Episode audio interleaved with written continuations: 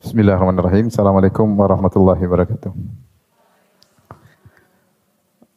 Alhamdulillahi ala ihsani wa syukru lahu ala taufiqihi wa amtinani. Asyhadu an la ilaha illallah wahdahu la syarika lahu ta'ziman li sya'ni.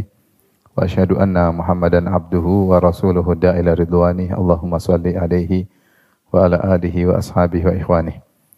Ibu-ibu dan bapak yang dirahmati oleh Allah Subhanahu wa taala, pada kesempatan kali ini kita akan bahas tentang mengenal lebih dekat tentang hadis Nabi Shallallahu Alaihi Wasallam. Ya. Tentunya kita tahu bahwasanya uh, sumber hukum dalam Islam, ya, sumber-sumber hukum ya, dalam Islam ya, yang disepakati ada dua model. Yang pertama adalah sumber hukum primer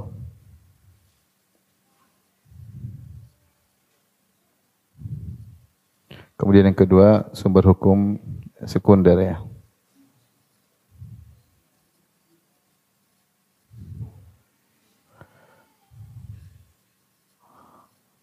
Yang primer yang merupakan asal, kita bilang dia asal ya.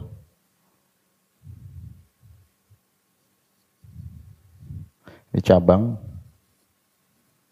adalah Al-Quran dan Sunnah ini. Al-Quran Kemudian al-hadis, ini yang mau kita bahas ya. Hadis Nabi sallallahu alaihi wasallam. Sumber hukum yang sekunder seperti uh, al-ijma, ijma itu konsensus para ulama. Konsensus para ulama. Kesepakatan, konsensus atau kesepakatan ya. Para ulama dan yang kedua adalah kias. Analogi uh, yang yang sekunder ya ijma. Kalau ulama sudah sepakat maka dia merupakan sumber sumber hukum ya. Dan tentu ijma ini tidak jadi dalil kecuali mereka sepakat atas hukum yang telah ada dalam Al-Qur'an maupun dalam apa? sunnah. Jadi misalnya apa hukum makan nasi? Semua ulama sepakat bahwasanya hukum makan nasi adalah boleh. Kenapa? Karena kaidah dalam Al-Quran dan Sunnah menyatakan hukum asal segala sesuatu adalah halal. Sampai ada yang mengharamkannya. Dan tidak ada yang mengharamkan nasi. Ini contoh misalnya masalah makanan. Masalah ibadah misalnya. Ijma ulama bahwasanya wudhu adalah syarat salat. Ya. Dalilnya mana dalam Al-Quran ada, dalam hadis ada. Kemudian disepakati oleh para para ulama. Jadi secara umum bahwasanya ijma ini hanyalah menguatkan Al-Quran dan Sunnah. Kemudian kias, kias juga analogi. Analogi terhadap sesuatu yang sudah ada dalilnya. Contoh, dalam sejarah Nabi SAW yang namanya zakat itu adalah Rasulullah di zaman Nabi diambil dari korma, kemudian zabib, uh, zabib tahu kan? Yang anggur dikeringkan, kemudian kismis bahasa kita kemudian uh, syair, bur yaitu gandum yang berwarna putih, gandum berwarna coklat. Ini di zaman Nabi SAW belum ada beras.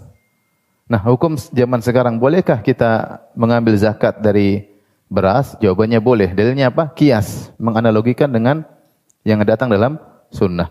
Jadi secara umum sumber sekun, uh, yang primer adalah ini nomor satu Al-Quran, dua Al-Hadis. Adapun ijma dan kias secara umum ini kembali kepada ini ya, kembali kembali kepada sumber primer, sumber-sumber primer.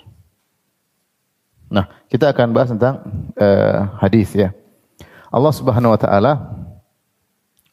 telah menyatakan inna nahnu nazzalna dzikra wa inna lahu lahafizun. Kami telah menurunkan Al-Quran dan kami yang akan menjaga Al-Quran. Oleh karena Al-Quran, la ya'tihil batilu min bayni yadihi wa min khalfihi.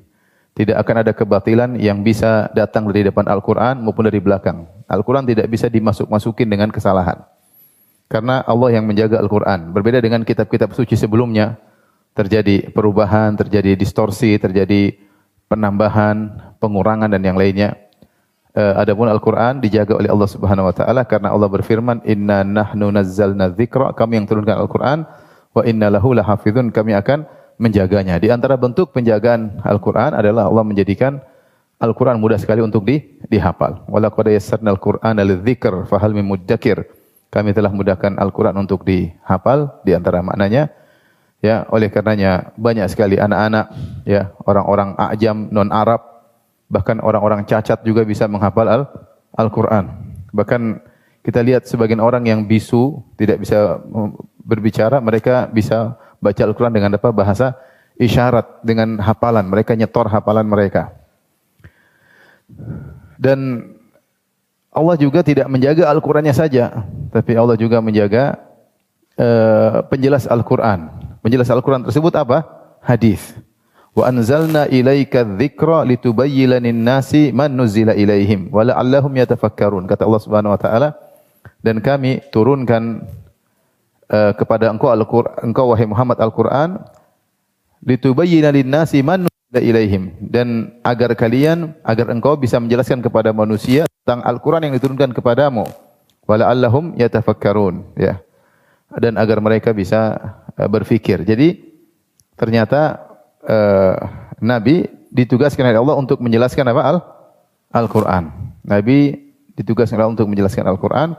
Dari sini sebenarnya mengatakan konsekuensi dari Allah menjaga Al-Qur'an, Allah juga menjaga penjelasnya, paham? Karena kalau Allah hanya menjaga lafal, penjelasnya tidak dijaga, buat apa Al-Qur'an? Al-Qur'an bukan dihafal, bukan dijaga oleh Allah cuma lafalnya saja, tapi juga dijaga penjelasnya. Penjelasnya tadi apa? Ha? Hadis, paham? Hadis atau sunnah ya. Hadis atau sunnah. Jadi sunnah juga dijaga Allah Subhanahu wa taala. Sebagai buktinya, maka Allah uh, munculkan para ahli-ahli hadis ya yang mereka pakar-pakar hadis sehingga mereka bisa membedakan mana hadis yang palsu, mana hadis yang benar, mana hadis yang sahih dan mana hadis yang dhaif. Tidak ada yang berdosa atas atas nama Nabi tentang hadis kecuali akan terungkap. Allah siapkan para ulama yang bisa menjelaskan hadis-hadis tersebut.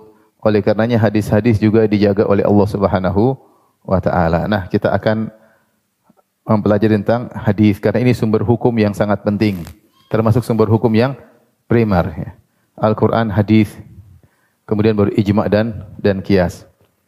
Sampai di sini paham Ibu? Paham? Saya lanjut ya.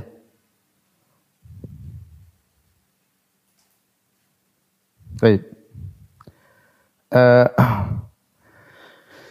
kita bicara tentang uh, hadis ya. Apa itu definisi hadis? Hadis definisinya secara sederhana ma udhifa ila nabi sallallahu alaihi wasallam min qaulin aw fi'lin aw taqdirin aw wasfi khalqin wa khuluqin. Hadis adalah semua yang disandarkan kepada Nabi sallallahu alaihi wasallam terkait apa saja perkataan beliau bin qaulin perkataan qaulin ya qaulin terus kemudian yang kedua adalah fi'lin perbuatan fi'lun Nabi sallallahu alaihi wasallam. Kemudian yang berikutnya adalah takririn pembenaran Nabi sallallahu alaihi wasallam. Pembenaran Nabi sallallahu alaihi wasallam. Yang disebut dengan bahasa kita adalah takrir. Takrir kemudian setelah itu wasfu khalqin yaitu sifat fisik Nabi Shallallahu Alaihi Wasallam, ya. termasuk apa namanya pakaiannya, cara jalannya ini itu khalqin wasfu khalqin kemudian yang terakhir adalah akhlak Nabi Shallallahu Alaihi Wasallam. Ini tambahan aja yang disebut dengan wasfu khulu. Wasfun khuluqin. Itu khuluq.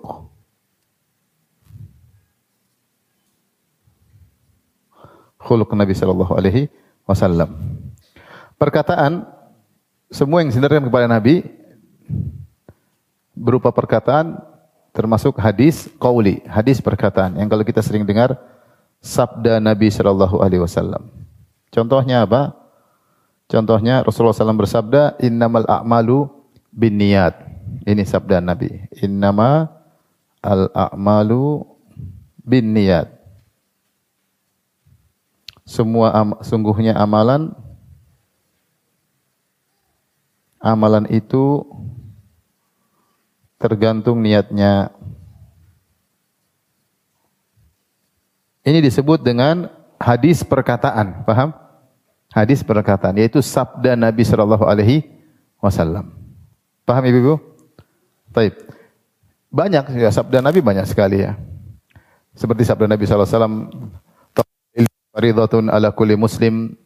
Nuntut ilmu wajib bagi setiap apa? Muslim. Banyak sekali ya. La la la ta'ata li makhluqin fi ma'siyatil khaliq. Tidak ada ketaatan kepada makhluk dalam rangka bermaksiat kepada Allah Subhanahu wa taala. Banyak sabda-sabda Nabi sallallahu alaihi wasallam yang sering kita dengar, hadis-hadis Nabi sallallahu alaihi wasallam, la darar wa la dirar. Tidak boleh seorang beri kemudaratan kepada dirinya dan juga tidak boleh beri kemudaratan kepada orang orang lain dan sabda Nabi sangat banyak. Ya, ribuan sabda Nabi sallallahu alaihi wasallam. Ini namanya hadis perkataan. Contoh hadis perbuatan yaitu perbuatan Nabi sallallahu alaihi wasallam ya. Contohnya Nabi Shallallahu Alaihi Wasallam sholat sampai kakinya bengkak-bengkak contohnya. Siapa yang melihat Aisyah melihat Nabi sholat sampai kakinya bengkak-bengkak. Contoh Aisyah melihat Nabi sholat hingga bengkak kakinya. Kaki beliau.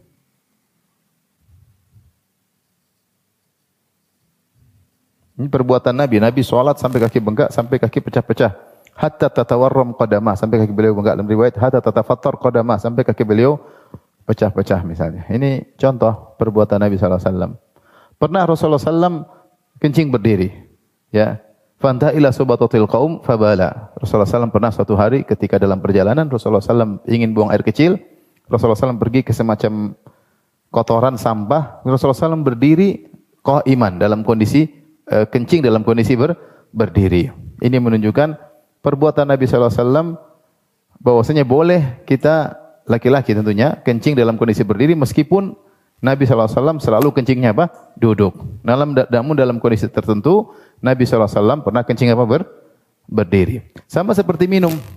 Ali bin Abi Thalib pernah minum berdiri. Kemudian dia bilang, kenapa kalian mengingkariku? Sungguhnya aku pernah lihat Nabi SAW minum berdiri. Hukum asalnya Rasulullah SAW selalu minum duduk, namun terkadang Rasulullah SAW pernah minum apa? Berdiri. Ini contoh perbuatan Nabi SAW, maka diambil hukum dari perbuatan Nabi Shallallahu Alaihi Wasallam ya. Jadi ini namanya hadis fi'li.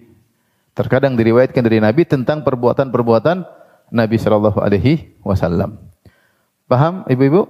Taib.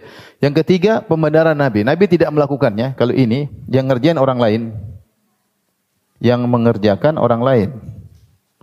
Mengerjakan atau berkata adalah orang lain, namun Nabi membenarkan. Nabi Shallallahu Alaihi Wasallam membenarkan, tidak menyalahkan dan tidak menyalahkan. Contoh seperti Ketika Nabi SAW makan dhab bersama Khalid ibn Walid. Khalid ibn Walid makan dhab. Ketika itu dihidangkanlah kepada Nabi SAW dhab. Tapi sudah dipotong-potong. Dhab kadal padang pasir. ya. Kalau saya sendiri melihat penampilannya saya enggan untuk memakannya. e, karena agak mengerikan ya, agak mengerikan. Terkadang dihidangkan dalam bentuk masih utuh dalam bentuk kadal ya. Ada yang dipotong-potong, ada yang dalam bentuk apa? kadal. Kalau lihat ibu-ibu lihat di Google tulis nasi mandi dop. Nasi mandi kadal padang pasir. Nanti akan kelihatan ada nasi mandinya tapi bukan bukan kambing tapi apa? Kadal. Kata orang sih enak, cuma saya belum pernah makan dan saya belum mau makan ya. Suatu hari Nabi SAW sedang makan dengan Khalid bin Walid, sepertinya sudah dipotong-potong. Maka sebagian istrinya kabarkan, wahai Rasulullah, yang dihidangkan depan anda adalah dop. Rasulullah SAW tidak biasa makan dop. Maka Rasulullah menemani Khalid. Di antara adab Nabi SAW, Nabi tidak beranjak dari tempat tersebut. Nabi tetap duduk menemani Khalid bin Walid makan. Dan Khalid bin Walid makan dengan lahapnya. Kemudian dia Nabi SAW tidak makan. Maka dia berkata, Ya Rasulullah, kenapa anda tidak makan? Aharamun hu? Apakah dia haram? Kata Nabi SAW, tidak, tidak haram. Walakin lam yakun bi ardi qawmi fa ajiduni a'afuhu. Tapi ini dhab, tidak ada di negeriku, aku tidak biasa makan. Ya, di Mekah dulu tidak ada, di Madinah banyak dhab. Fa ajiduni a'afu, maka aku mendapati aku tidak, tidak bisa makan dhab. Baik, yang makan Nabi atau Khalid bin Walid? Khalid bin Walid. Tapi Nabi membiarkan, itu tidak? Berarti diambil hukum dari hukum ini bahwasanya makam dhab hukumnya boleh. Seandainya haram Nabi pasti menegur. Oleh karenanya kita bisa ambil hukum dari sini bahwasanya makam dhab hukumnya halal karena takrir Nabi, karena Nabi SAW membenarkan, tidak me, tidak menyalahkan. Ini namanya hadis takriri.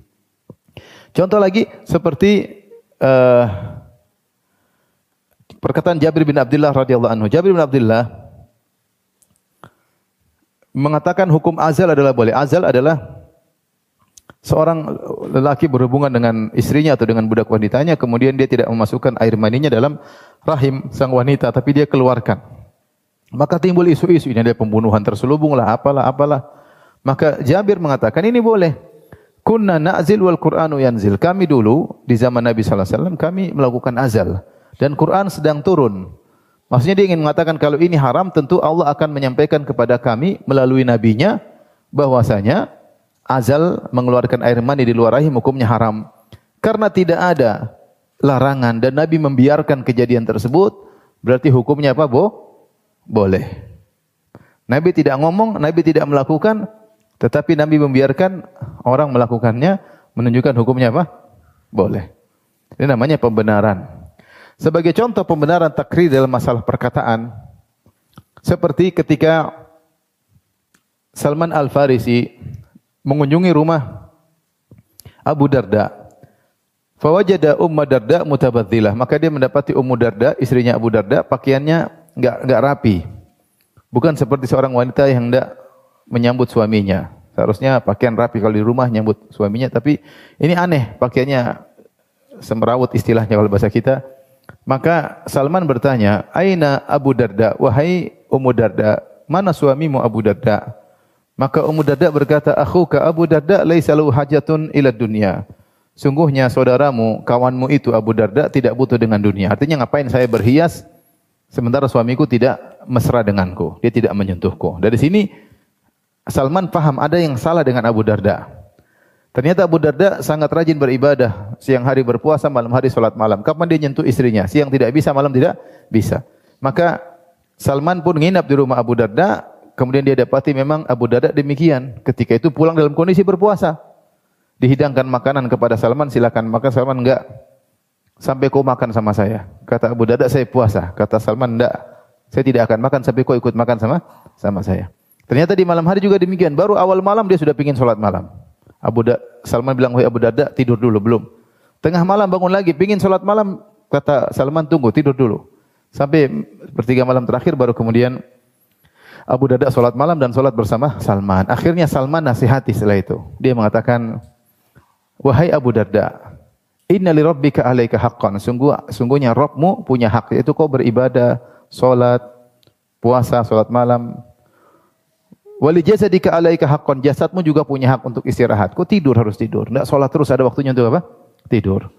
Kemudian wali zaurika alaika haqqan. Kemudian uh, tamumu juga punya hak untuk kau jamu, untuk kau ngobrol dengannya. Kemudian terakhir wali ahlika alaika haqqan dan istrimu juga punya apa? Hak untuk kau mesrai, untuk kau cumbui, untuk kau gauli. Ini nasihat Salman kepada Abu Darda. Abu Darda tidak langsung terima. Kemudian mereka pun salat subuh. Dia pun salat subuh bersama Nabi SAW. Kemudian dia kabarkan kepada Nabi. Dia cerita dari awal sampai akhir dan dia berkata ya Rasulullah, Salman bilang saya begini begini begini. Apa kata Nabi SAW? Sodako Salman. Salman benar. Berarti Nabi membenarkan Salman atau tidak? Membenarkan. Ini contoh takrir. Contohnya kata Nabi wasallam, "Shadaqa Salman, Salman benar." Ini berarti Nabi wasallam membenarkan perkataan Salman Al-Farisi. Ini namanya uh, sunnah takriri, sunnah takriri.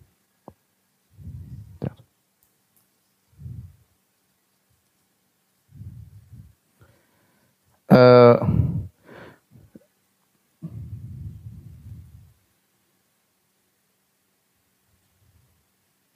Taib atau kita balik ya?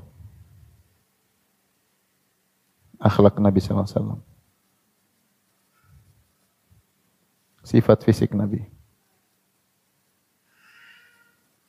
Yang keempat, akhlak Nabi SAW. Sebenarnya akhlak Nabi ini dia kembali kepada salah satu dari entah perkataan beliau, entah perbuatan beliau, entah terhadap pembenaran beliau. Ini semua kembali kepada ini. Kembali kepada salah satu dari dari ini. Sifat fisik Nabi ini uh, hukum asalnya adalah uh, tidak bisa dicontohi, tidak bisa dicontoh, paham?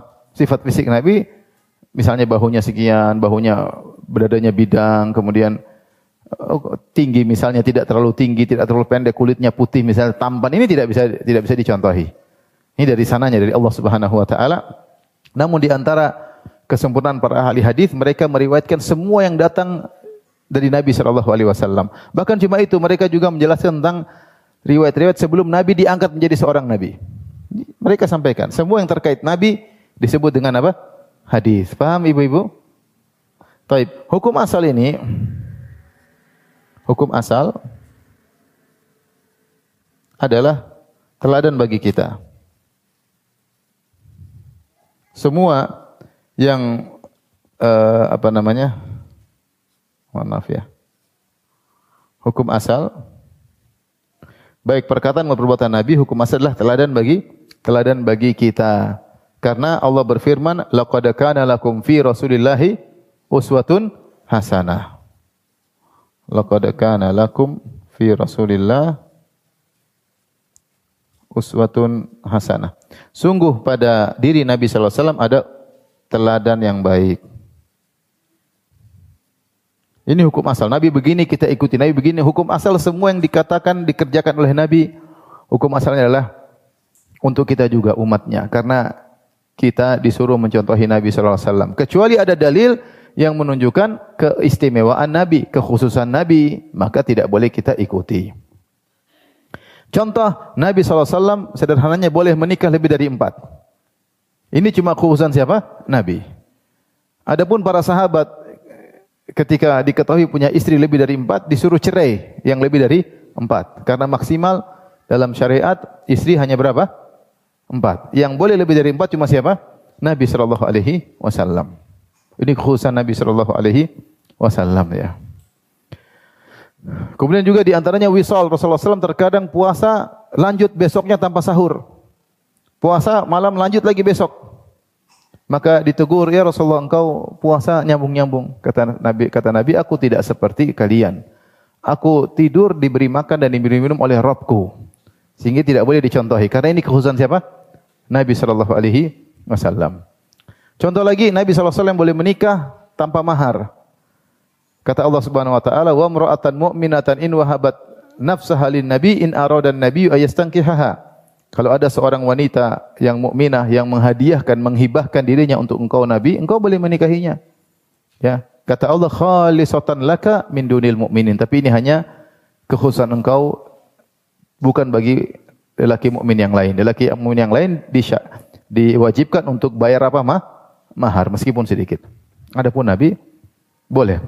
Jadi adapun selainnya hukum asal Nabi begini, Nabi begitu, hasilnya kita ikuti. Jadi kita mengenal hadis-hadis Nabi agar kita bisa menjalankan apa? syariat, bisa mencontohi Nabi sallallahu alaihi wasallam. Bagaimana dia sebagai sahabat, bagaimana dia sebagai kepala rumah tangga, bagaimana dia sebagai seorang ayah, bagaimana dia sebagai sallallahu alaihi wasallam sebagai pejuang, bagaimana dia sebagai hakim, bagaimana dia sebagai uh, ketika sedang bersafar, bagaimana sholat malamnya, bagaimana di siang harinya, ya, bagaimana dia sebagai kepala negara, bagaimana mensikapi musuhnya, Uh, ini semua kita contohi bagaimana kita tahu dengan mengenali hadis-hadis Nabi sallallahu alaihi wasallam ya. Adapun sifat fisik Nabi maka ini tidak dicontohi karena ini tidak bisa dicontohi. Uh, termasuk uh, yang disebut dengan sunnah jibiliyah, sunnah jibiliyah itu adalah sunnah-sunnah yang terkait dengan kebiasaan Nabi sebagai orang Arab. Kebiasaan Nabi sebagai orang orang Arab. Contoh Nabi, Nabi suka makan korma, bukan berarti sunnah kita makan apa? Korma enggak. Nabi bahkan makanan pokoknya korma. Nabi makanan pokoknya apa? Korma. Nabi terkadang makan korma sampai kenyang dan terkadang hari yang lain makan gandum sampai kenyang. Tapi Nabi dalam hidupnya tidak pernah kenyang dua kali dalam sehari. Tidak pernah kenyang dalam dua kali dalam apa? Sehari. Kalau sehari beliau kenyang, maka yang satunya tidak kenyang. Yang kalau makan siang misalnya dia beliau kenyang dengan korma maka makanan malamnya tidak kenyang dengan gandum. Tapi salah satu makanan pokok Nabi SAW adalah apa? Kor? Korma. Maka jangan kita bilang sunnah. Beras kita buang kita ganti korma. Enggak. Itu bukan sunnah yang maksudnya sunnah yang harus kita ikuti. Contoh, kendaraan Nabi adalah onta atau himar. Bukan berarti jangan kita pahami sunnah Nabi adalah pakai apa? Onta atau pakai himar. Itu namanya sunnah jibiliyah, artinya kondisi Nabi sebagai orang orang Arab. Paham Ibu? Contoh lagi Rasulullah SAW dalam kehidupannya sering pakai izar dan rida. Rida itu selendang atas, izar sarung. Selendang seperti kita umroh itu namanya rida. Rasulullah ke mana-mana pakai begitu. Bukan berarti sunnah kalau kita ke mana-mana pakai sarung sama apa? Selendang enggak. Itu zaman Nabi SAW. Di zaman Nabi SAW pakai sorban. Bukan berarti sunnah kita pakai apa? Sorban di Jakarta atau di Cianjur atau di mana enggak? Nah, itu Jibili sebagai Rasulullah SAW sebagai orang A, orang Arab. Seperti jalan Nabi, cara jalan Nabi. Nabi SAW kalau jalan seperti orang yang turun dari tempat yang tinggi. Tegas dan cepat. Nabi tidak bilang jalanlah kalian dengan cara seperti tidak pernah. Ini eh, apa namanya? Nabi sebagai seorang manusia ya seperti itu ya. Kecuali perkara-perkara yang Nabi SAW ajarkan seperti adab makan, tangan kanan, ya ini sunnah ya. Seperti itu. Cara duduk makan misalnya, cara itu sunnah ya. Nah seperti seperti itu, itu maka e, meskipun mungkin tradisi Arab mungkin tetap kalau sudah dijadikan syariat maka jadi apa? Syariat. Maka jadi syariat. Seperti contoh ibu-ibu bahwasanya di kebiasaan orang Arab jilbab berwarna hitam. Jilbab berwarna apa? Hitam. Namun tidak harus berwarna hitam karena Nabi tidak pernah menganjurkan pakailah baju berwarna apa? Hitam. Ibu-ibu baju apa aja terserah, yang penting tidak menor. Yang penting tidak apa? Menor yaitu mentereng dan menarik ya. Biasa-biasa saja. Karena tujuan jilbab bukan untuk mempercantik diri, tujuan jilbab adalah agar menjaga menjaga diri, ya. Ibu mau menor depan suami, jangan depan suami orang ya. Oleh karenanya warna hitam tidak harus. Warna hitam tidak tidak harus. Pakai warna hitam silakan, warna yang lain silakan, enggak ada masalah karena Rasulullah tidak itu kebiasaan orang Arab. Rasulullah SAW tidak pernah mengatakan harus pakai warna warna hitam. Baik. Jadi kalau tradisi tidak sunnah, hukum asalnya tidak sunnah. Kecuali ada dalil khusus menjadikan tradisi menjadi sunnah. Timbullah orang-orang liberal mengatakan, Ustadz, berarti jilbab tidak wajib. Jilbab itu adalah tradisi orang Arab. Dia bilang sama bilang, enggak. Waktu Nabi diutus, orang Arab tidak pakai jilbab. Paham? Kemudian datang syariat menjadikan jilbab disyariatkan. Ya. Datang syariat ya menjadikan jilbab disyariatkan ya. Wal yadribna bi khumurihinna ala juyubihinna, maka lemparkanlah jilbab dari atas. Maka tapi ini sekedar kita paham bahwasanya uh, hukum asal perkara-perkara yang jibili itu konsekuensi Nabi sebagai seorang Arab maka itu bukan sunnah yang dianjurkan kecuali yang memang ada dalil khusus untuk menganjurkan hal tersebut ya. Contoh seperti puasa Rasulullah SAW mengatakan kalau berpuasa bukalah dengan apa rutop. Kalau sunnah berarti buka puasa apa? Rutop. Kalau tidak ada tamarat maka korma yang sudah sudah matang. Kalau tidak ada maka apa namanya? Minum minum air. Baik. Ini gambaran sederhana tentang hadis-hadis Nabi. Kita perlu kenal hadis Nabi agar kita bisa mengamalkannya. Ya, mengamalkannya karena sumber hukum kita adalah Al-Qur'an dan apa? Sunnah. Bukan kata-kata orang, bukan tradisi, bukan kata mbah-mbah, bukan kata nenek moyang, bukan ikut kebanyakan kegiatan manusia, orang semua begini kita ikut-ikutan enggak. Kita orang Islam adalah Al-Qur'an dan sunnah ya. Tradisi kalau bagus kita kuatkan, kalau menyelisih syariat maka tidak boleh dipertahankan. Karena tidak semua tradisi itu baik. Ada tradisi baik luar biasa di tanah air kita dan itu didukung oleh syariat. Dan ada tradisi yang melanggar syariat. Ya. Dan itu berlaku pada seluruh manusia di dunia ini. Setiap daerah ada tradisi yang didukung oleh syariat Islam dan ada tradisi yang melanggar syariat apa? Islam. Dan Nabi SAW ketika datang di bangsa Arab mereka juga punya tradisi banyak. Ada tradisi yang diakui seperti keberanian mereka, seperti setia kawan mereka, seperti mereka mudah menjamu tamu mereka ya. Seperti mereka mengagungkan bulan-bulan haram mereka tidak mau menumpahkan darah. Itu dilanjutkan oleh Nabi. Seperti mereka mengagungkan tanah suci Mekah, mereka tidak berani menumpahkan dari tanah suci Mekah. Itu dilanjutkan oleh Nabi atau tidak? Dilanjutkan.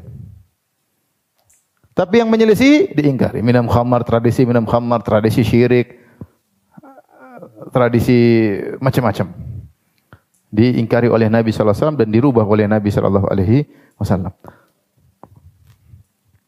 Tapi Ibu paham sampai sini? Kita lanjutkan.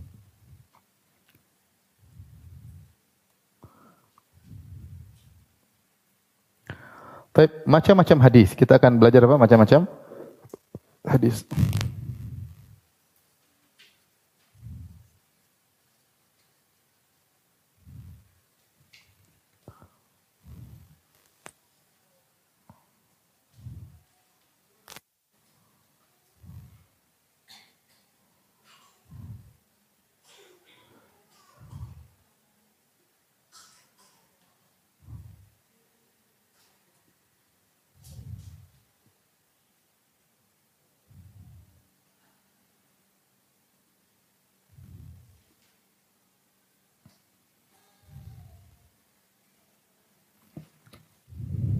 Baik. Uh,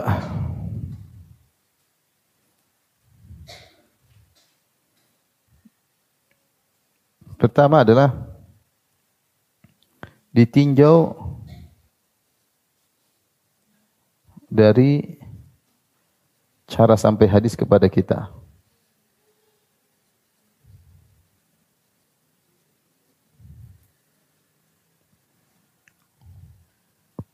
Maka hadis ditinjau dari cara sampai kepada kita, maka kita bisa bagi menjadi dua. Yang pertama namanya hadis mutawatir. Yang kedua namanya hadis ahad. Ini tentu pembahasan panjang Ibu, cuma saya ingin menyederhanakan saja supaya ada gambaran global dari ibu-ibu tentang macam-macam hadis ya. Apa yang dimaksud hadis mutawatir? Hadis mutawatir yaitu yang meriwayatkan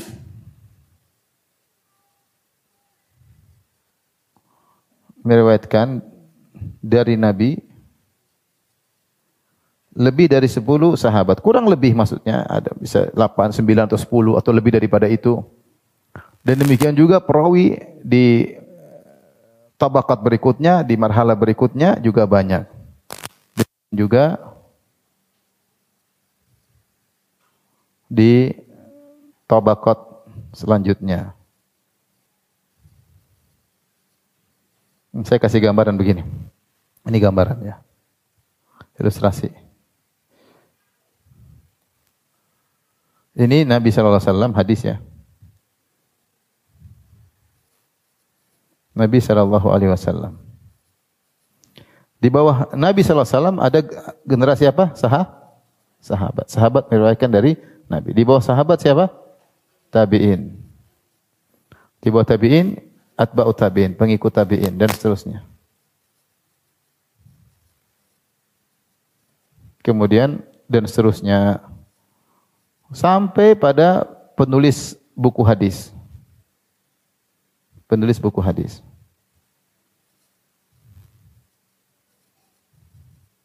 Penulis buku hadis itu seperti apa? Bukhari, Muslim, ya. Bukhari, Imam Al-Bukhari, kemudian Muslim, Imam Muslim, Imam Ahmad dalam musnadnya, Imam Tirmidzi misalnya, dan lain-lain.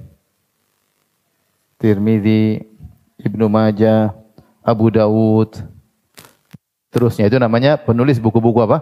Hadis. Mereka yang bersafar ke sana kemari untuk meriwayatkan dari guru, dari guru, dari guru sampai kepada sahabat, sampai kepada Nabi Shallallahu Alaihi Wasallam. Ini yang disebut dengan sanad.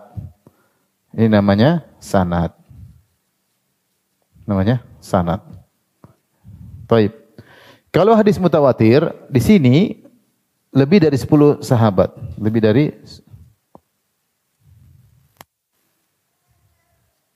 lebih dari 10 sahabat atau 10 atau lebih. Ini kira ada khilaf tentunya, tapi kita gambaran sederhana aja. 10 sahabat atau lebih. Kalau sahabat saja 10, tentu di bawahnya lebih banyak lagi.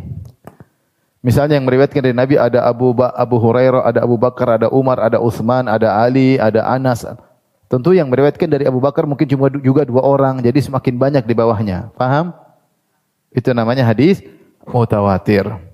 Yang meriwayatkan sebanyak sehingga para ulama mengatakan itu hadis yang diriwayatkan oleh jumlah yang banyak ya. Tuhilu ta'atuhum tawatu'uhum alal kadhib. Yang jumlah tersebut mustahil mereka bersepakat untuk dusta. Kalau riwayatkan sudah banyak ini pasti benar karena yang meriwayatkan adalah orang-orang soleh lebih dari 10 orang. Ini pasti hadisnya benar. Bisa dipastikan dari Nabi sallallahu alaihi wasallam. Namanya hadis mutawatir. Ya, Nabi meriwayatkan yang dengar sahabat banyak. Wah ini pasti benar, nggak nggak mungkin sahabat ini salah, nggak mungkin. Karena kalau salah ya nggak masa sepuluhnya sepuluh sepuluhnya salah semua atau sepuluh sepuluhnya sepakat kita dusti bareng dusta bareng-bareng dari Nabi juga nggak nggak mungkin karena mereka orang-orang apa soleh. Maka disebut dengan hadis apa muta mutawatir. Yang kurang namanya mutawatir, namanya mutawatir. Jika kurang dari sepuluh, ya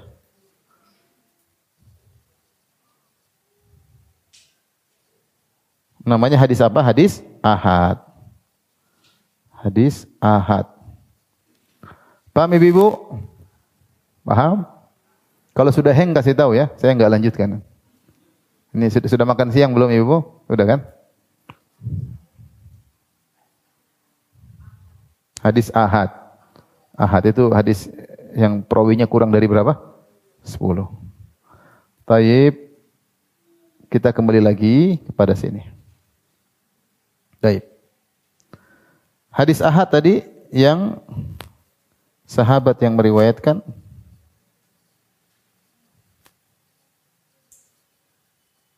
kurang dari 10. Hadis mutawatir juga terbagi menjadi dua. Ini juga terbagi menjadi dua. Namanya mutawatir lafzi secara lafal. Kemudian mutawatir maknawi.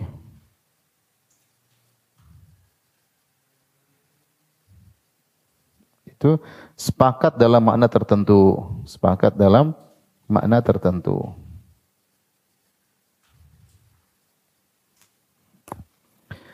Contoh mutawatir secara lafal artinya 10 sahabat tersebut atau lebih melafalkan riwayat yang sama, lafal yang sama. Seperti hadis Man kadzaba alayya muta'ammidan falyatabawa maq'adahu minan nar. Siapa yang berdosa atas namaku, bilang hadis Nabi ternyata bukan, maka siapkanlah kaplingnya di neraka. Ini hadis diriwayatkan disebutkan oleh sebagian ulama 70 orang lebih yang meriwayatkan hadis dengan makna seperti ini. 70 orang, orang lebih ya. Demikian juga hadis man bana lillahi masjidan Ya, banallahu bihi baitan fil jannah. Siapa yang membangun masjid karena Allah, ikhlas karena Allah, Allah akan bangunkan bagi dia istana di surga. Ini juga hadis mutawatir yang beratkan juga banyak. Yang beratkan juga juga banyak. Namanya mutawatir lafzi.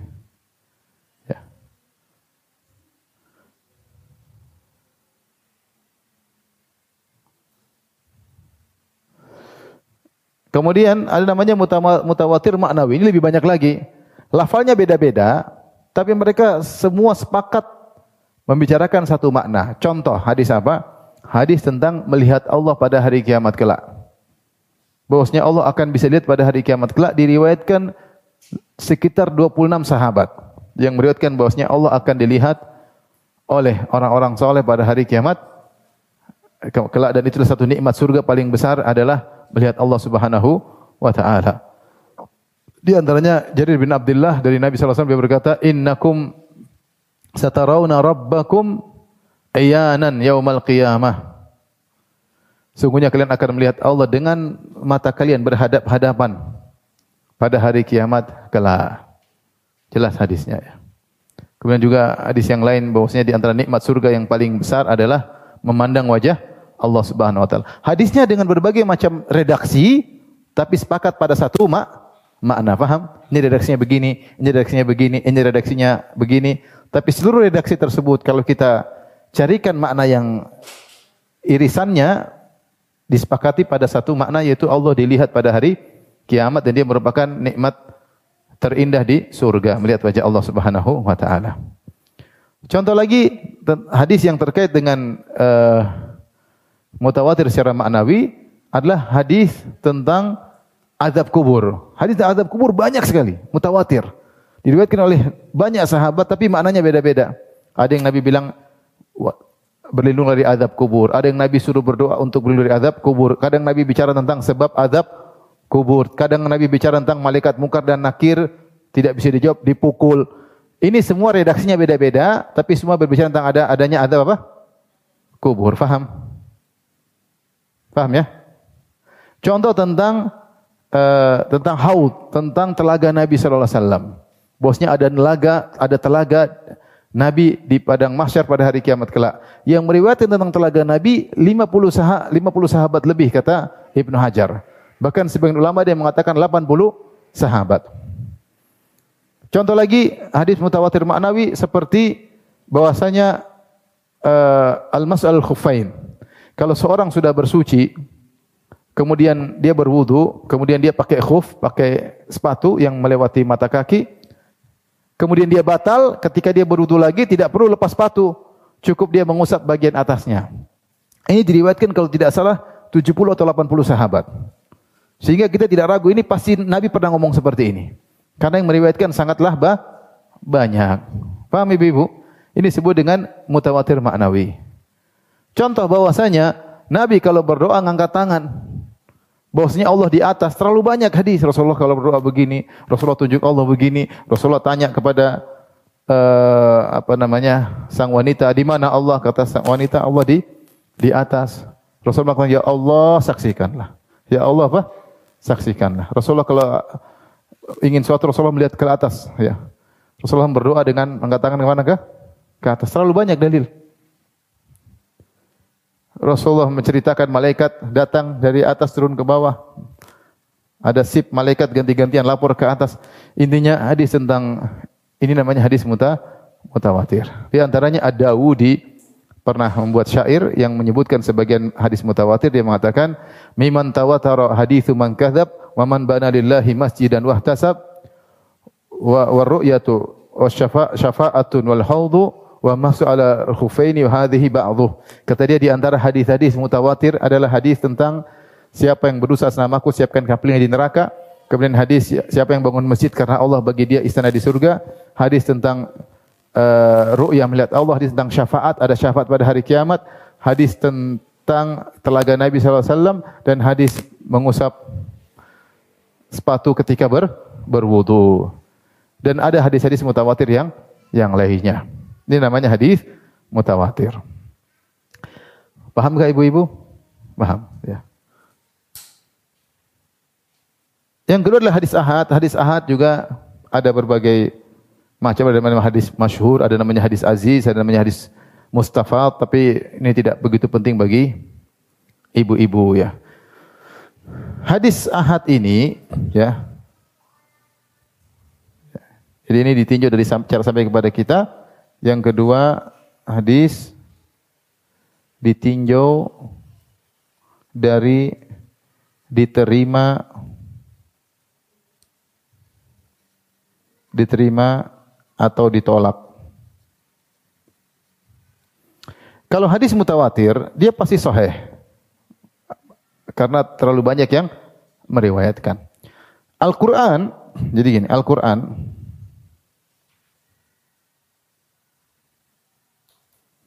Al-Quran sampai kepada kita dengan mutawatir.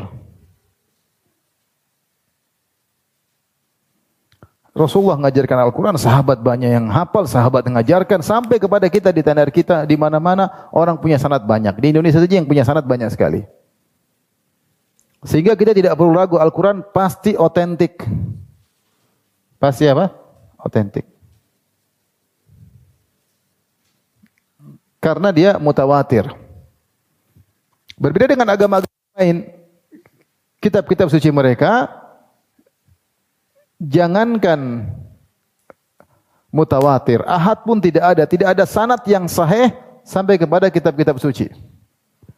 Seperti Injil, Injil tidak ada sanatnya. Kalau kita bilang sama mereka, datangkan sanat Injil dari zaman kamu sampai Nabi Isa. Bahwasanya telah mendengar dari kami, telah mendengar, telah mendengar, telah mendengar bahwasanya Isa alaihissalam berkata Allah berfirman. Enggak ada. Enggak akan ada sanatnya hilang. Bahkan Injil yang ada yang berada di Bible tidak ada Injil Isa. Yang ada cuma Injil Matius, Injil Markus, Injil Yohanes sampai Injil Lukas. Orang empat orang ini sedang bercerita tentang Nabi Isa. Beda dengan Al-Quran. Al-Quran Nabi langsung dari siapa? Dari Allah. Adapun Injil Nabi Isa harusnya yaitu Nabi Isa menyampaikan Allah berfirman, Allah berfirman, Allah berfirman begitu. Bukan cerita tentang kehidupan Nabi Isa.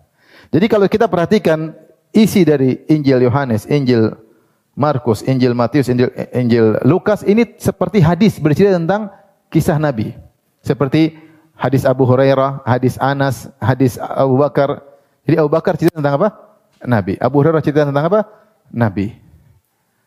Injil Injil seperti itu. Adapun Injil Nabi Isa tidak ada, tidak ditemukan dalam peredaran, enggak ada. Lagi pula mereka tidak punya sanad. Demikian juga tidak ada sanad yang sahih sampai kitab Taurat, apalagi kitab apa? Taurat. Nah, Islam, Al-Qur'an sanadnya banyak. Orang punya sanad sampai Nabi banyak. Tentang cara baca apa? Al Al-Qur'an. Menunjukkan Al-Qur'an itu ada benar-benar terjaga keontentikannya. Ada satu huruf saja dihilangkan, ada satu kata saja dihilangkan pasti ketahuan. Karena banyak yang hafal apa? Al Al-Quran. Sehingga Al-Quran tidak perlu dicek sanatnya. Tidak perlu dicek-cek lagi.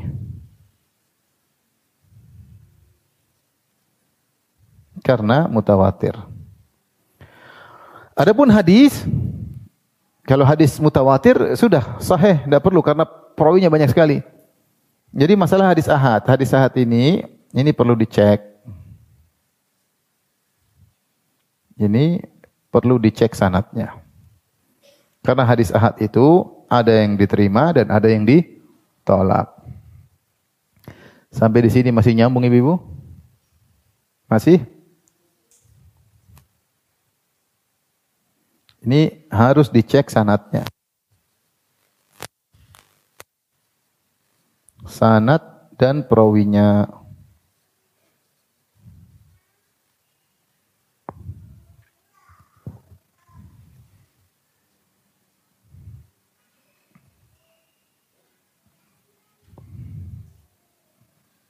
Jadi kita mulai jam berapa? Tadi mulai jam berapa? Karena kalau satu, satu jam sudah harus berhenti ya. Nanti kita lanjut lagi insya Allah ya. Taib, sampai sini masih paham? Taib. Kita lanjut. Jadi kita mau pindahkan yang pembahasan ini, perhatikan. Ini mau kita pindahkan. Ditinjau dari diterima atau tidak. Kita pindahkan ke halaman berikutnya. Hadis ditinjau dari ditolak atau diterima.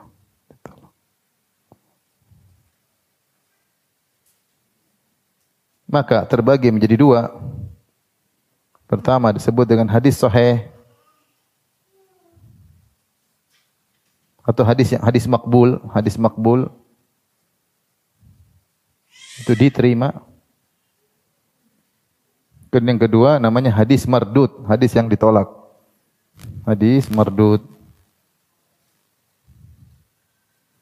Ditolak. Insyaallah pada kesempatan kita akan bahas tentang hadis makbul diterima.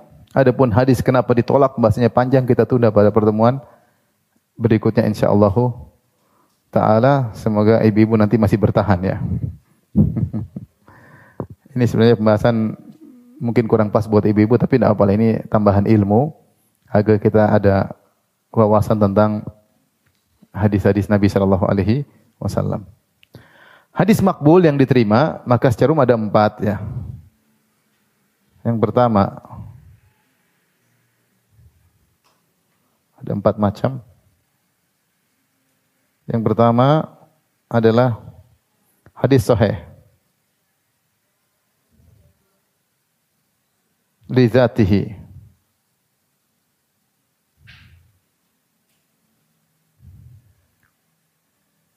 Yang kedua, di bawah lagi adalah hadis sahih li ghairihi.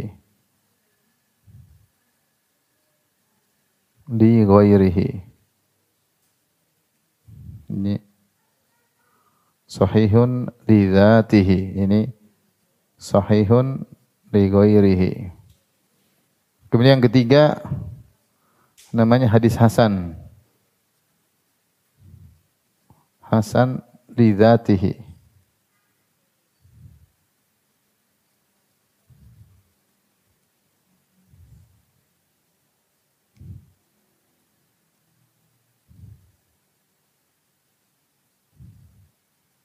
Li dzatihi kemudian yang keempat hadis hasan li ghairihi.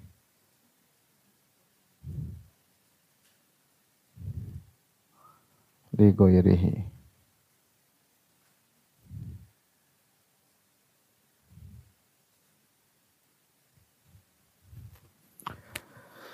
Tapi apa hadis hadis sahih? Hadis sahih adalah hadis yang memenuhi yang memenuhi syarat berikut.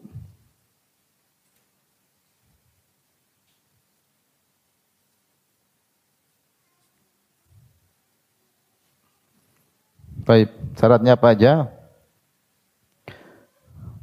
Pertama, sanatnya bersambung.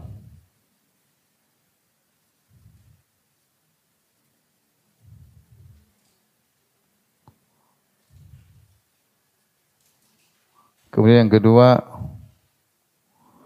perawinya fiqh, terpercaya. Hafalannya kuat, Dobatnya kuat ya.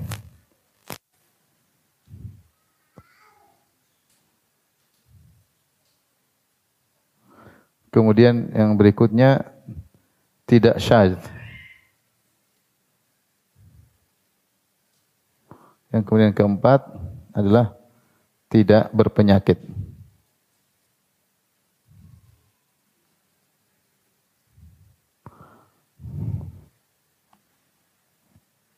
Ini uh, siqah atau disebut dengan dhabit ya.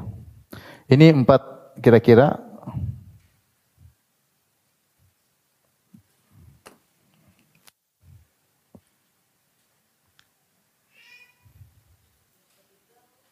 Hah? Tidak syad. Tidak syad. Tidak syad.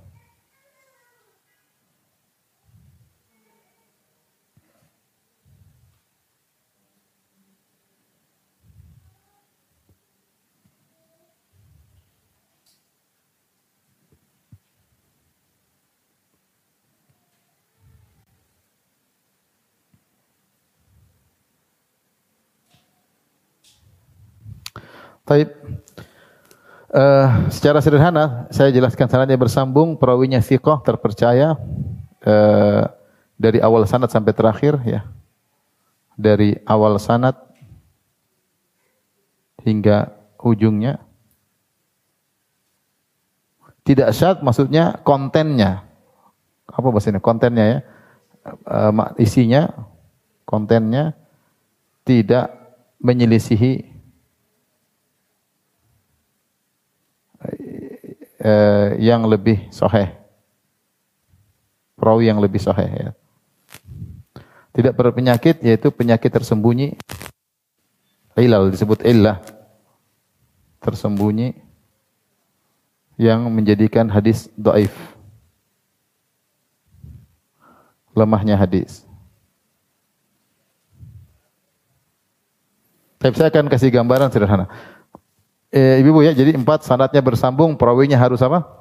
Harus sikot terpercaya, dari awal sampai akhir harus sambung semua. Kemudian dia tidak syad, matannya, kontennya tidak syad, isinya. Kemudian tidak ada penyakit yang tersembunyi. Ini syarat hadis yang sahih. Baik. Berikut ini ilustrasinya.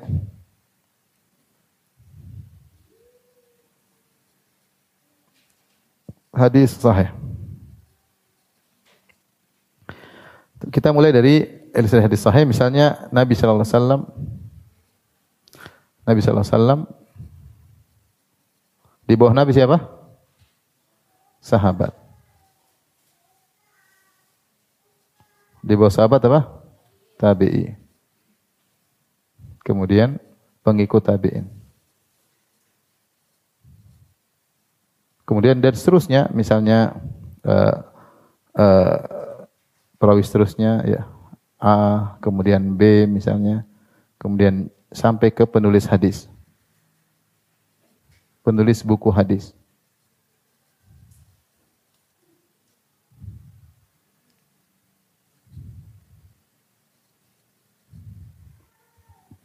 Baik. Sahabat tidak perlu dibahas pasti sikoh. Pasti terpercaya. Kenapa pasti terpercaya? Karena para sahabat telah dipuji oleh Allah. Paham? Karena telah dipuji oleh Allah dan Rasulullah.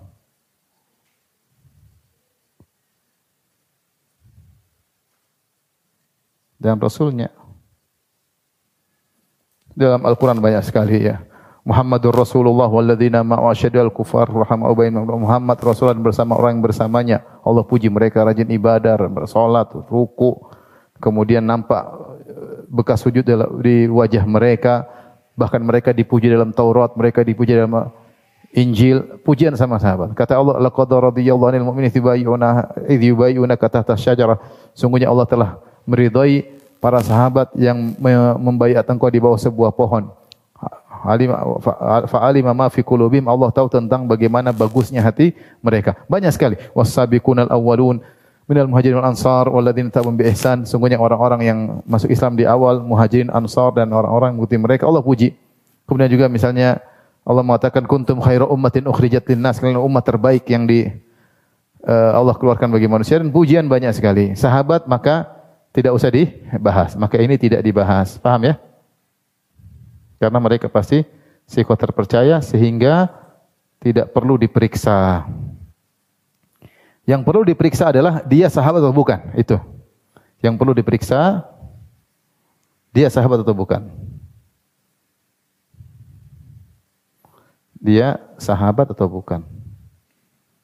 Jadi ini ada buku khususnya seperti Al-Isobah ya. Uh, tentang mengenal siapa sahabat-sahabat. Jadi jelas seperti bukunya Ibn Abdul Bar dan juga bukunya Ibn Hajar rahimahullah untuk menjelaskan ini sahabat atau bukan. Kalau ada khilaf-khilaf, oh ada yang mengatakan ini sahabat, ini, ini tidak bertemu dengan Nabi. Karena yang bertemu dengan Nabi itulah yang apa? Sahabat. Siapa sahabat yang bertemu dengan Nabi dalam kondisi beriman dan meninggal dalam kondisi beriman? Itu namanya sahabat. Kalau dia bertemu dengan Nabi dalam kondisi beriman, kemudian dia murtad, meninggal bukan sahabat tentunya. Atau dia bertemu Nabi dengan Nabi dalam kondisi belum Islam. Setelah Nabi meninggal baru dia masuk Islam juga tidak dikatakan apa? Sahabat. Maka ada buku khusus ya.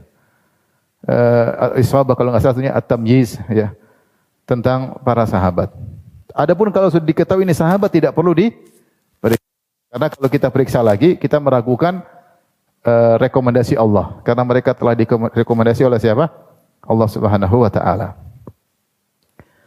Kemudian uh, tabi'in. Kalau tabi'in perlu diperiksa. Ini perlu diperiksa. Jadi semua yang di bawah sahabat harus diperiksa. Semua perawi selain sahabat harus diperiksa. Apakah dia sikoh terpercaya atau atau tidak? Atau tidak? Apalagi yang kalau tabiin saja harus diperiksa, apalagi yang di bawahnya. Nah, kalau hadis sahih, semuanya harus sikoh. Ini harus sikoh. Ini harus dari awal sampai akhir. Penulis bukunya harus sikoh. Terkadang penulis buku tidak dikenal. Ini penulisnya siapa? Ya udah jangan dibaca bukunya. Kita nggak kenal bukunya terpercaya atau tidak. Dia nambah-nambahin kurang-kurang nggak tahu. Penulis buku harus sikoh. Rawi berikutnya gurunya juga harus sikoh. Kemudian Berikutnya juga harus sikoh. Ini juga harus sikoh, ini juga harus sikoh. Apa yang dimaksud dengan sikoh? Yaitu hafalannya kuat. Dia tidak salah-salah ketika menyampaikan hadis. Hafalan tersebut bisa doktul kitab, bisa doktul sadar. Doktul kitab itu semua yang diriwayatkan dia catat. Sehingga kalau dia meriwayatkan hadis, dia buka buku. Saya telah mendengar dari guru saya, dari sini, dari sahabat, dari Nabi, Nabi bersabda. Ada catatan dia. Yang jadi masalah kalau bukunya kebakaran, selesai. Misalnya bukunya terbakar di akhir hayatnya, maka dilihat oleh para ulama. Ini perawi, dia sikoh tapi sikohnya dengan buku. Ketika tahun sekian bukunya terbakar, semua yang direwetkan setelah tahun sekian tidak diterima. Maksudnya ini detailnya para ulama. Mereka tahu sejarah orang ini. Orang ini dia dulu sikohnya dengan buku yang dia bawa. Ketika dia tahun sekian uh, bukunya terbakar misalnya atau kena banjir, tidak bisa lagi diterima periwayatannya setelah tahun sekian karena bukunya sudah hilang. Itu namanya dia hafal dengan buku. Ada yang lebih hebat, hafal dengan hafalan. Dokter Sadar, dia hafal seluruh hadis dari dadanya. Dia nggak perlu buku. Kalau ditanya langsung dari fulan, dari fulan, dari fulan, dari fulan. Dan apakah itu mungkin? Mungkin, zaman dahulu mungkin. Makanya di antara cerita menakjubkan tentang Imam Al-Imam Al-Bukhari sebagaimana pernah sampaikan, kekuatan hafalan Al-Imam Al-Bukhari.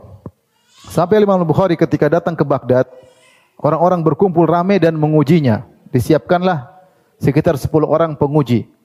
Disampaikan kepada Imam Bukhari, "Wahai Bukhari, tahukah Anda hadis ini?" Satu orang orang pertama sampai sampai orang ke-10 masing-masing membawa 10 hadis. Membawa 10 hadis dan 10 hadisnya dibola-balik sama dia. Maka orang pertama mengatakan, "Ya Imam Bukhari, hadis pertama dari fulan, dari fulan, dari fulan, dari fulan, dari fulan, dari sahabat, dari Nabi." Nabi bersabda begini-begini. Tahukah kau hadis ini? Kata Nabi, kata Imam Bukhari, saya tidak tahu. Hadis kedua, dari fulan, dari fulan, dari fulan, dari fulan, dari fulan, dari sahabat, dari Nabi. Tahukah kau hadis ini? Kata Imam Bukhari, saya tidak tahu. Orang-orang tadinya sudah dengar dengan kehebatan Bukhari, jadi ragu lah. Ini kok tidak tahu melulu. Sampai 10 hadis pertama. Ganti orang kedua. Wahai Bukhari, hadis pertama, hadis ke-11. Dari fulan, dari fulan, Imam Fulan tidak tahu, tidak tahu, tidak tahu sampai 10 orang selesai semua berarti berapa hadis? 100 hadis. Maka orang ragu dengan kehebatan Imam Bukhari. Baru terakhir baru dia jelaskan. Dia cuma sekali dengar. Maka dia bilang yang benar. Adapun hadis pertama harusnya tertukar gurunya dengan hadis ke-7 misalnya. Harusnya tertukar dengan hadis ke-25. Ini tertukar dengan ini, tertukar dengan terus sampai dia berbaiki semuanya 100 hadis. Maka nampaklah kehebatan Imam Bukhari. Nah, hebatnya dari mana? Pertama dia dengar langsung hafal. Dan dia tahu poin-poin dan dia tahu mana yang tertukar-tertukar. Baru orang tahu Imam Bukhari apa? Memang hebat. Jadi Allah memang menyiapkan orang-orang yang mampu untuk hafal di luar kepala. Kalau kita di luar kepala maksudnya hilang. luar kepala hilang ya. Ini sekali dengar langsung apa? Hafal. Makanya dahulu orang-orang Arab mereka tidak perlu pandai baca dan pandai tulis dan mereka bisa menjalankan kehidupan mereka. Dan mereka bisa cerdas. Kenapa? Mereka tidak bertumbuh pada tulisan di zaman itu. Mereka bertumbuh pada hafalan dan pemahaman. Di antaranya Nabi SAW sampai umur 40 tidak bisa baca, tidak bisa tulis. Sampai di, malaikat Jibril turun, Nabi Muhammad dibiarkan tidak bisa baca, tidak bisa tulis. Untuk membuktikan bahwasanya Al-Quran bukan karangan Muhammad. Karena kalau Nabi Muhammad bisa baca, bisa tulis, orang akan mengatakan ini karangan Muhammad. Mungkin dia baca buku ketemu di mana. Tidak bisa baca, tidak bisa tulis. Nah, ada orang-orang yang hafalannya dengan dadanya. Nah ini juga diperiksa hafalannya bagaimana. Kalau hafalannya lemah, daif. Sering salah, daif. Sering bingung-bingung di tengah jalan, daif. Harus hafalannya bagus. Tapi kalau terjadi misalnya ketua dia ketabrakan atau dia mulai pikun, maka para ulama bilang umur sekian dia mulai berubah, jangan diterima hadisnya. Mereka punya sejarah. Sejarah para perawi ini bukunya banyak. Tahdhibul Kamal bukunya berjilid-jilid puluhan jilid. Tahdhibut Tahdhib sekarang sudah jadi dicetak entah berapa empat jilid ada ya. Ada rawi-rawi khusus rawi-rawi kutubus sittah, ada rawi-rawi yang fiqat, ada rawi-rawi yang dhaif. Para ulama semua perawi ada biografinya. Kalau tidak ada biografinya disebut majhul, tidak diketahui hadisnya dhaif. Ini maksud saya, di sini cara Allah menjaga hadis. Hadis tidak sembarang. Jadi kalau ulama bilang sahih mereka sudah periksa. Mereka sudah periksa. Tapi ini yang pertama harus diperiksa apa? Kesikohan para perawi. Yang kedua diperiksa adalah ketemu nyambung enggak?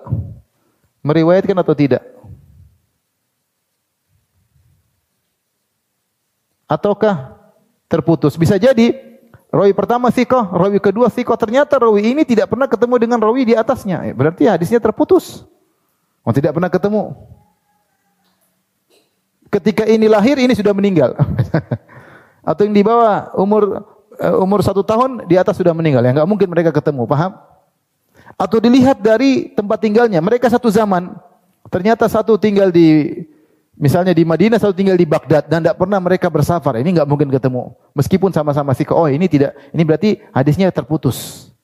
Ini para ulama yang tahu. Karena harus tahu biografi masing-masing apa? rawi.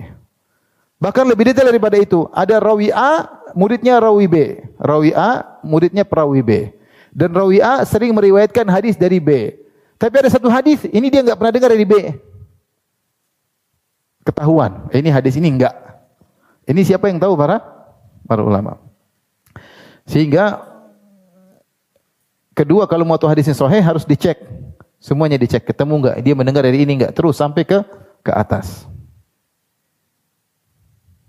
Misalnya Hasan al-Basri seorang tabi'in berkata, Nabi SAW bersabda demikian. Diterima atau tidak? Tidak diterima. Karena Hasan al-Basri tabi'in. Tidak pernah ketemu dengan siapa? Nabi SAW. Itu hadis mursal. Contohnya. Setelah itu pemeriksaan berikutnya, pemeriksaan pertama harus sikoh semua. Pemeriksaan kedua harus bersambung semua apa? Sanatnya. Tidak terputus. Pemeriksaan ketiga harus dicek. Ini kontennya bertentangan enggak dengan hadis yang lain? Tidak syad. Ternyata ada hadis yang rawinya lebih fikoh meriwayatkan menyelisih ini. Nah, ini dia fikoh tapi dia kali ini dia kayaknya salah ini.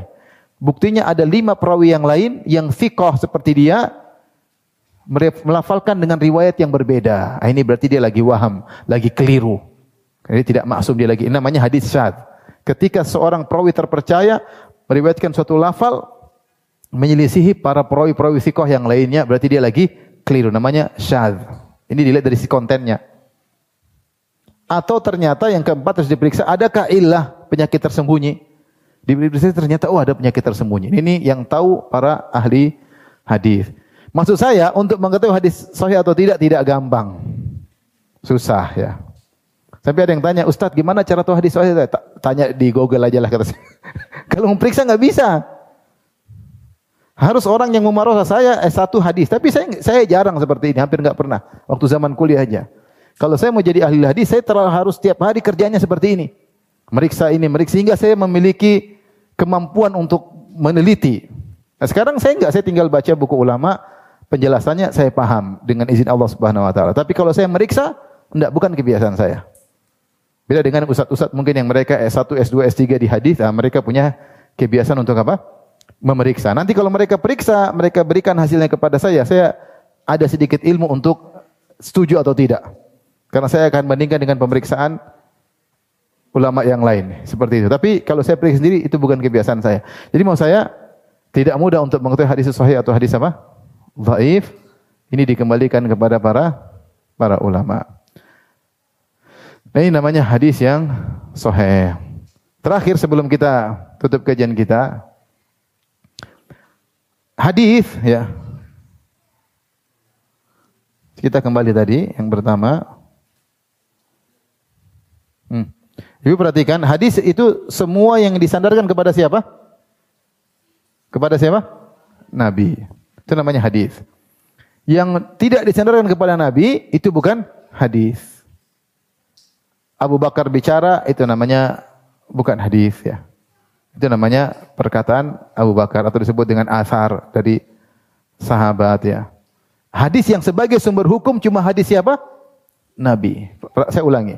Hadis yang merupakan sumber hukum cuma hadis siapa? Nah, Nabi Muhammad SAW. Kenapa hadis Nabi merupakan sumber hukum? Karena Nabi maksum, nggak mungkin menyampaikan yang keliru. Karena dia Rasul. Nggak mungkin Allah biarkan Nabi keliru. Kalau keliru pasti Allah tegur. Nah berbeda dengan Syiah. Syiah mereka punya hadis-hadis imam. Syiah punya hadis-hadis apa? Imam. Jadi orang-orang Syiah, mereka punya 12 imam yang mereka yakini imam tersebut maksum. Dari Ali bin Abi Thalib, kemudian kedua Hasan, kemudian Hussein, Ali bin Hussein, kemudian Muhammad Al-Baqir, kemudian Ja'far As-Sadiq, terus sampai imam ke-12 yang sedang sembunyi di Sirdap. Nah ini, mereka anggap semua imam ini adalah maksum, tidak mungkin salah. Sehingga mereka kumpulkan perkataan imam tersebut dalam buku-buku hadis mereka. Contoh buku hadis misalnya Al-Kafi, karya Al-Kulaini. Ini banyak sekali perkataan bukan hadis Nabi, tapi perkataan imam ini bilang ini, imam itu bilang ini, imam ini bilang ini. Imam Muhammad Al-Baqir bilang gini, Imam Ja'far As-Sadiq, Abu Abdullah Ja'far bilang begini. Kemudian Biharul Anwar, 100 jilid kalau nggak salah ya. Saya pernah download. Itu juga imam ini bilang ini, imam ini bilang ini, imam bilang begini. Sehingga mereka sumber hukum mereka bukan cuma hadis Nabi, tapi juga hadis imam-imam, paham? Ini di antara yang membuat kita sangat berbeda dengan mereka. Karena sumber hukum kita Al-Quran dan hadis Nabi. Kalau mereka tidak, Al-Quran, hadis Nabi dan hadis imam-im, imam. Kalau kita nggak ada yang maksum kecuali Muhammad SAW. Semua selain Nabi nggak ada yang maksum. Mau istrinya, mau anaknya, mau cucunya nggak ada yang maksum. Emang kalau cucu Nabi pasti maksum? Enggak, enggak ada yang maksum. Cucu Nabi ada yang baik, yang soleh luar biasa, ada yang bejat, macam-macam. Ada yang ahlu sunnah, ada yang syiah. Ya. Ada yang taat, ada yang tukang maksiat. Tidak ada yang maksum. Dan demikian anak-anak seluruh Nabi.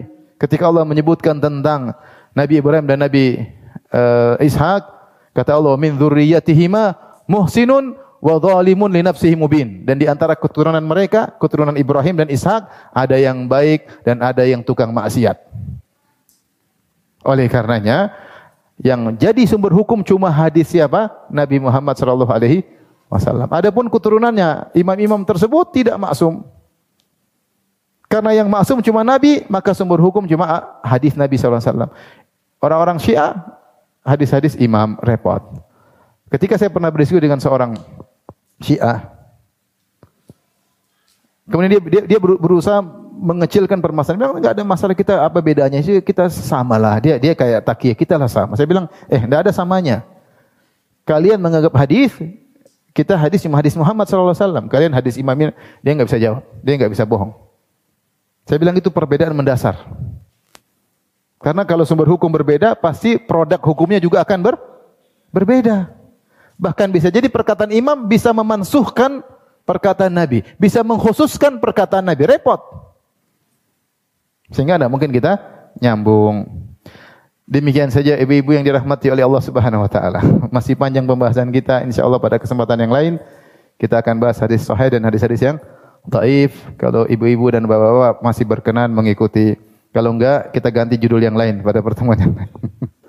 Tapi demikian saja ibu-ibu yang dirahmati Allah Subhanahu wa taala kajian kita. Insyaallah kita lanjutkan pada kesempatan yang lain. Subhanakallah bihamdik asyhadu an la ilaha illa anta astaghfiruka wa atubu ilaik. Assalamualaikum warahmatullahi wabarakatuh.